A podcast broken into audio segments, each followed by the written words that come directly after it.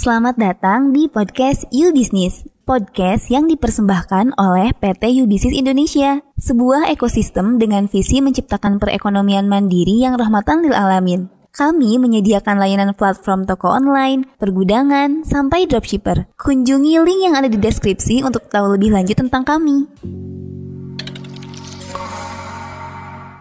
Assalamualaikum warahmatullahi wabarakatuh.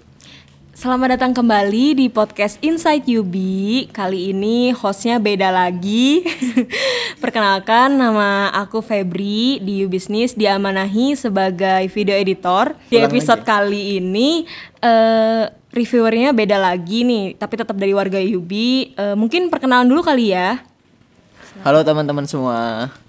Makasih pertama-tama buat Febri atas kesempatannya buat ngisi. Eh, teman-teman, halo semua. Kenalin namaku Hafid, nama lengkap Ahmad Hafid Hanif, biasa dipanggil Hafid. Eh, di Bisnis diamanai selaku PM UB Mall. Di sini aku bakal bercerita beberapa hal nih tentang buku yang aku baca. Nah, eh bukunya judulnya apa nih Pit? Kalau boleh tahu? Kalau nggak boleh tahu, oh ya boleh dong, boleh dong, maaf. Judulnya Number Sense, eh, How to Use Big Data for Your Advantage. Jadi gimana caranya kita ngegunain data buat keuntungan kita. Ini buku ini ditulis sama Kaiser Fang. Tulisannya Kaiser Fung ya, eh, tapi bilangnya sih Kaiser Fang.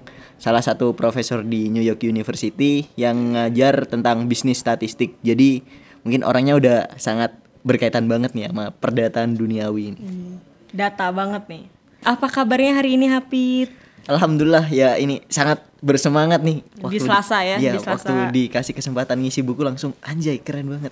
Setelah aku cari-cari kemarin, ternyata Kei- Keisa, Keisa Fang ini juga pernah nulis buku ya sebelumnya eh, berjudul Numbers Rule Your World. Nah, kali ini kan eh, Hapit mau review bukunya tentang Number Sense, How to Use Big Data to Your Advantage. Nah, mungkin Pit bisa diceritain kali ya eh, secara keseluruhan isi buku ini tuh tentang apa sih? Ya, kalau dari judulnya sih tentang data ya, cuman mungkin bisa dijelaskan lagi gitu ke teman-teman. Oke, ini bener banget pertama eh, bahas highlight utamanya itu big data ya. Kalau teman-teman mungkin sangat familiar dengan big data mulai dari apa definisi dan lain-lainnya dan big data nih kalau bisa kita tahu nih Pep, big data nih kata yang lagi in banget gak sih? In banget di zaman sekarang. Iya. Dan salah satu kata yang di dekade ini itu cukup sering digunakan. Nah, Oke. kita bak gak bakal bahas banyak terkait definisi big data atau apa pun, tapi kita bakal bahas sisi yang lainnya.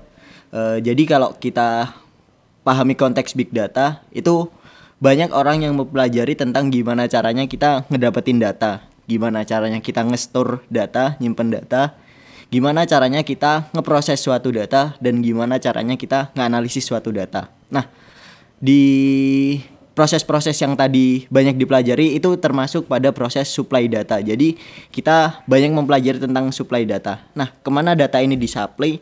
Ini kan pasti menuju suatu apa ya, suatu entitas tertentu. Dan ini bakal dikonsumsi nih si datanya yang berupa hasil analisis itu. Nah, jadi number sense ini fokusnya lebih ke gimana caranya ketika kita mengetahui suatu analisis, ketika kita mengkonsumsi data, mengkonsumsi analisis atau hasil kesimpulan, kita di situ bisa aware nih lebih jauh tentang sesuatu yang eh, dibicarakan oleh data tersebut. Kita bahasanya mah kita nggak cuma sekedar percaya ketika kita lihat suatu analisis, kita nggak sekedar oh oke langsung diambil. Kenapa? Karena di zaman big data, data makin banyak, analisis makin banyak, kemungkinan untuk munculnya bad analysis, analisis yang kurang baik itu juga semakin besar. Nah, gimana caranya terhindar dari hal tersebut? Itulah yang diajarkan dengan buku ini. Jadi harapannya kita eh, kita bisa tahu analisis yang kurang baik itu dengan melihat angka dan oh, apakah ini beneran kayak gini sih? Dan salah satu apa ya? Salah satu yang ada di buku ini adalah eh, kalau ditanya Pak Kaiser Fang, ini Kaiser. apa sih Pak Kaiser? Eh, number sense itu apa? Number sense itu adalah eh, hal yang membedakan suatu orang ketika orang itu bagus atau emang truly talented. Jadi eh, seorang data science itu kan kalau bisa matematik, maksudnya bisa logika matematika itu harus. Terus bisa ada insight bisnis itu harus karena dua ini bakal berpengaruh banget ketika kita menggunakan data untuk fungsi bisnis. Nah, tapi number sense ini bakal mengulik tentang uh, orang bagus tuh bisa ngolah Hmm. data, bisa uh, tahu ngaitin dengan bisnis, tapi orang yang cuma cukup bagus itu mereka nggak bakal meng, apa ya mengetahui lebih jauh tentang ketika lihat suatu data mereka nggak ada kegelisahan di hatinya kayak ini bener nggak ya? Ini apa? Nah jadi belum tentu ada sense-nya. Heeh, dan itu yang orang berbakat, yang di berbakat dan diasah, itu bakal muncul hal yang ketika ngeliat data mereka nggak langsung percaya tapi ini beneran nggak ya? Ini eh, kayak gini nggak ya? Tujuannya bukan untuk meragukan tapi untuk memastikan bahwa oh oke aku mengkonsumsi hal yang tepat gitu. menganalisis kembali data yang tersaji ya istilahnya dari sekian banyak chapter ini lebih ke study case gitu ya di bukunya Ya, kalau di buku ini eh, karena tujuannya untuk membangun sense kita, membangun gimana sih number sense itu yang kayak gimana, itu pakai eh, contoh-contoh gitu banyak-banyak. Banyak contohnya mulai dari eh, gimana gimana sih ngukur obesitas yang bener, apakah pengukuran obesitas yang sekarang itu menghasilkan parameter yang baik nih. Dan apakah ya mungkin contohnya bisa di kemiskinan juga terus contohnya di survei politik. Dan salah satu contoh yang lain juga ada terkait dengan eh, gimana caranya kita ngebentuk tim yang bagus kalau teman-teman main fantasy league. Jadi gimana caranya kita ngebentuk tim yang bagus dengan sumber daya yang ada itu apa sih yang harus kita lakuin? Itu ada kalau kalau orang-orang bilang itu kebetulan Eh, sebenarnya itu ada ilmunya tapi karena nggak tahu ilmunya aja mungkin baru dibilang kebetulan gitu. Nah mungkin eh, dari sekian banyak study case eh, bisa kali dijelasin atau dikas, eh, diceritakan yang menurut kamu tuh wah ini eh, bagus juga nih eh, study case-nya gitu. Bikin kita jadi mikir juga oh ternyata yang disaj- eh, data yang tersaji di web atau di mana pun di sosial media ternyata ya nggak sepenuhnya benar dan bisa masih ada tuh rincian-rinciannya gitu Pip. Oke. Jadi ini eh, sebenarnya nggak mau kasih eh tapi enggak nih bercanda. Maaf bercanda terus nih reviewernya. Nah jadi ada salah satu contoh studi kasus. Ini kejadian di sekitar tahun 1990-an jadi di tahun ini kita flashback ya. Eh, di tahun 1980-an sebelumnya itu tuh eh, di Amerika banyak industri-industri penerbangan yang cukup apa ya cukup mengalami perkembangan lah Nah, salah satunya adalah industri penerbangan yang eh, dimiliki oleh maskapai American West. Jadi si American West ini juga eh, punya maskapai dan di tahun-tahun itu mengalami pengembangan yang sangat bagus nih Pep. Oke. Bahkan mereka growth-nya bagus banget hingga mereka di eh, di suatu masa eh, mereka di apa ya dikontrak oleh salah satu tim basket namanya Phoenix Suns karena mereka base-nya di Phoenix emang eh, mereka dikontrak untuk menjadi maskapai penerbangan dari tim tersebut nih. Nah itu kan berarti sebuah kepercayaan yang luar biasa besar lah, Betul. karena membawa nama besar timnya juga. Nah tapi di tahun 1990-an eh, industri di Amerika itu mengalami resesi, jadi kayak perekonomian lesu. Kalau bahasanya di sini eh, badai apa ya badai badai badai pasir badai pasir. Jadi mereka mengalami hal yang cukup lesu gitu dan membuat eh, industri-industri ini harus melakukan inovasi-inovasi baru nih. Oke. Biar caranya bisa tetap, fight. Nah itu. Eh, di situ akhirnya eh, beberapa industri udah mulai berjatuhan tuh Pep. Industri ada mungkin maskapai yang cukup terkenal itu ada Pan Am ya. Pan Panam tulisannya Panam. Eh, Panam. Terus ada dan berbagai maskapai lainnya lah. Itu ada yang mulai bertumbangan dan di situ harus nge-improve tuh si strateginya. Nah salah satu strategi yang cukup jamak dipakai tapi akhirnya menyebabkan implikasi yang cukup buruk itu adalah strategi perang harga. Jadi kalau terbang terus murah mau nggak Pep? Mau lah Mau lah ya. mau lah ya semua Mau. orang pasti memilih hal itu gitu Nah, apalagi eh, maskapainya bagus kan. Mhm. Nah, akhirnya itu juga salah satu strategi yang dipakai oleh American West untuk mendapatkan customer secara lebih. Mereka perang harga, perang harga dan akhirnya ketika semua maskapai sudah berdarah kan itu mereka perang ya eh, harganya turunin turunin kan itu nggak kelar kelar mereka semua sama-sama berdarah akhirnya mereka sadar kalau mereka harus bikin strategi lain yang ini gimana ya cara ngedapetin customer tapi nggak dengan perang harga Biar tetap jadi unggul lah ya istilahnya. Hmm, biar tetap di- jadi unggul dan biar tetap dipilih nih sama Oke. si customer. Nah, akhirnya eh, kalau kita naik pesawat, apa yang menyebabkan kita memilih naik pesawat dibandingkan naik eh, becak? Enggak, jangan naik becak dong kejauhan ya. Kejauhan. Nggak Eh, apple to apple. Enggak, terlalu enggak apple to apple. Apa yang membedakan ketika kita memilih pe- bepergian jauh pakai pesawat dan pakai kereta api? Oke. Waktu sih. waktu kan eh, kalau pesawat tuh cepet ya Betul. sini sana langsung weng nah, langsung bisa nyampe Iya. tapi kalau kereta kan lumayan jauh nah itulah yang akhirnya dipakai oleh eh, si American West ini sebagai strategi yang apa ya bakal diolah dan dijadikan ads atau konten marketing mereka lah jadi mereka eh, mereka menjadikan parameter on time performance. Jadi performa ketepatan waktu mereka buat berangkat sebagai parameter utama. Yuk ikut ikut kami ya, kami bakal tepat waktu loh. Oke. Sampai-sampai ada salah satu iklannya. Iklannya itu mereka digambarkan ada orang keluar dari mobil keluar dari mobil bawa koper ada kopernya ada stikernya American West. Di situ dia narik koper koper ditarik ya bukan didorong. Di situ digambarin bahwa perjalanan orang yang ada stiker American West ini mulus banget. Jadi sedangkan di sisi lain dia itu tuh si pelanggan pelanggan lain atau passenger lain itu mereka lagi apa ya cekcok lah lagi cekcok sama si securitynya. Kayak pak ini kapan aku berangkat? Pak kapan berangkat? Nah di situ eh apa orang yang cekcok ini mereka terbelalak lah. Terbelalak itu menganga kayak Menganga. "An- eh jangan aja wah keren banget tuh orang kayak tepat waktu banget Iya, nih iya. udah eh, apa ya mulus banget perjalanannya. Hingga di akhir ads-nya itu eh, si orang-orang yang tadi cekcok itu masih cekcok sedangkan satu orang yang pakai American West yang ada stiker American West-nya tadi itu dia udah nyampe dan ketemu sama si kliennya dan udah deal Oke. coba eh, kita salah milih maskapai bisa berdampak ke dealing suatu Iya, iya. itu kan penting banget kan Betul.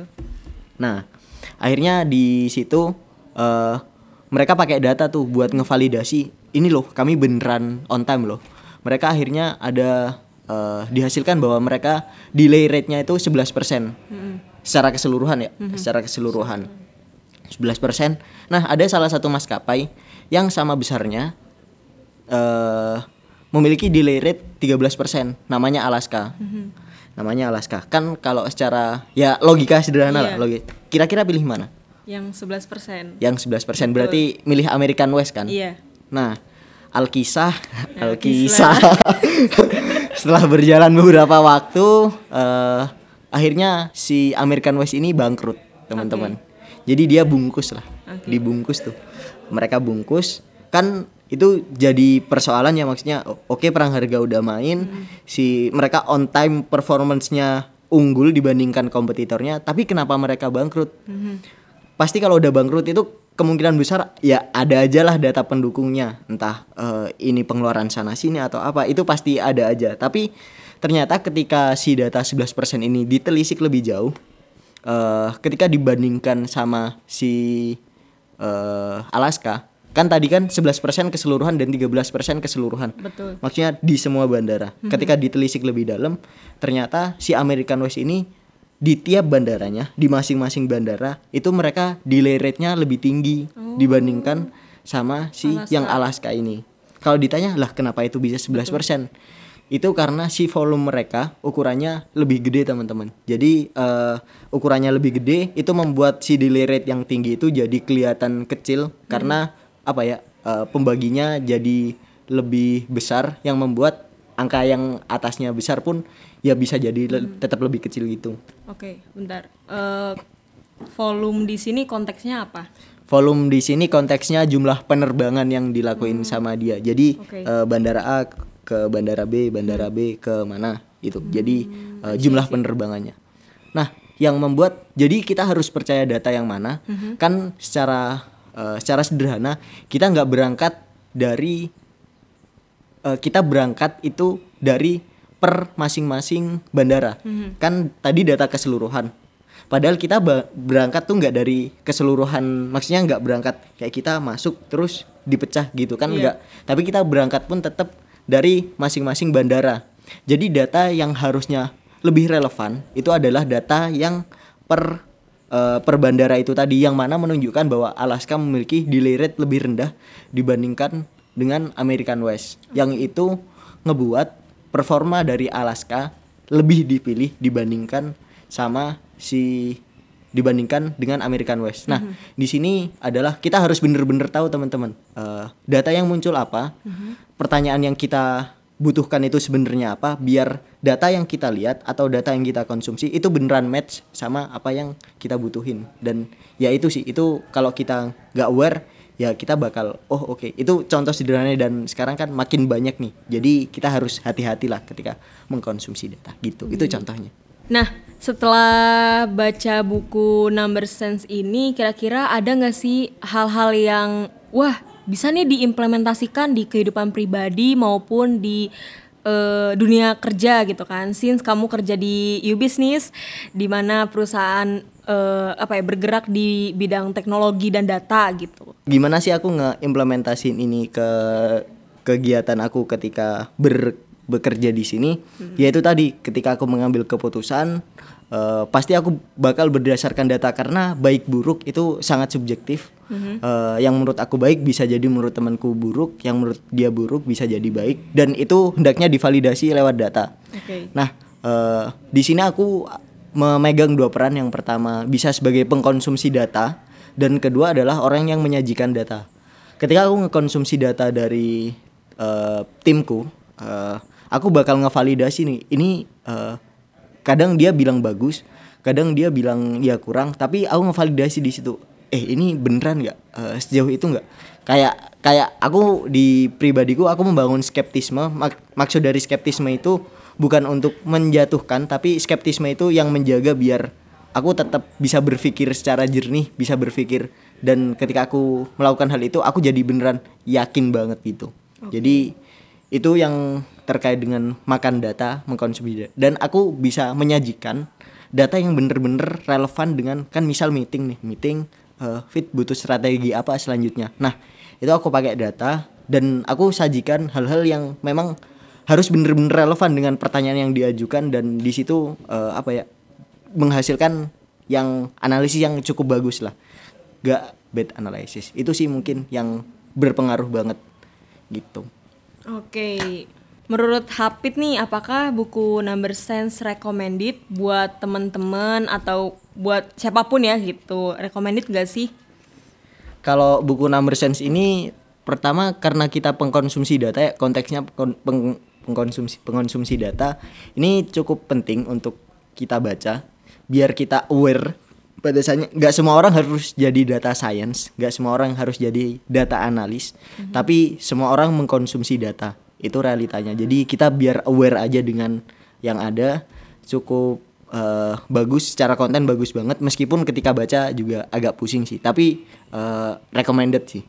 Karena kita mengkonsumsi data tiap harinya gitu Oke, saya sebagai host dan pengonsumsi data cuman nggak ngerti tentang maksudnya data itu sepenting apa gitu kan. Ternyata setelah eh, sekilas baca buku ini dan dengerin Hapit review secara singkat eh, tentang buku ini, oh jadi ngerti kayak wah ternyata data yang tersaji atau data yang kita telan selama ini tuh mungkin ya banyak banget rinciannya di belakangnya banyak banget explanationnya yang mungkin kita bakal lebih aware dan jadi lebih ngerti gitu kan bahwa ya semakin banyak data ya semakin banyak analisis dan eh, mungkin jadi apa ya membangun sisi anali- eh, analitik kita nih kayak jangan langsung eh, makan mentah-mentah si data tersebut begitu. Nah mungkin eh, dicukupkan terlebih dahulu di episode podcast kali ini. Terima kasih buat teman-teman yang sudah mendengarkan. Semoga review dari Hapit bermanfaat dan mungkin buku si Number Sense How to Use Big Data to Your Advantage ini bisa jadi want to read list kalian ya. Oke, terima kasih semuanya. Assalamualaikum warahmatullahi wabarakatuh.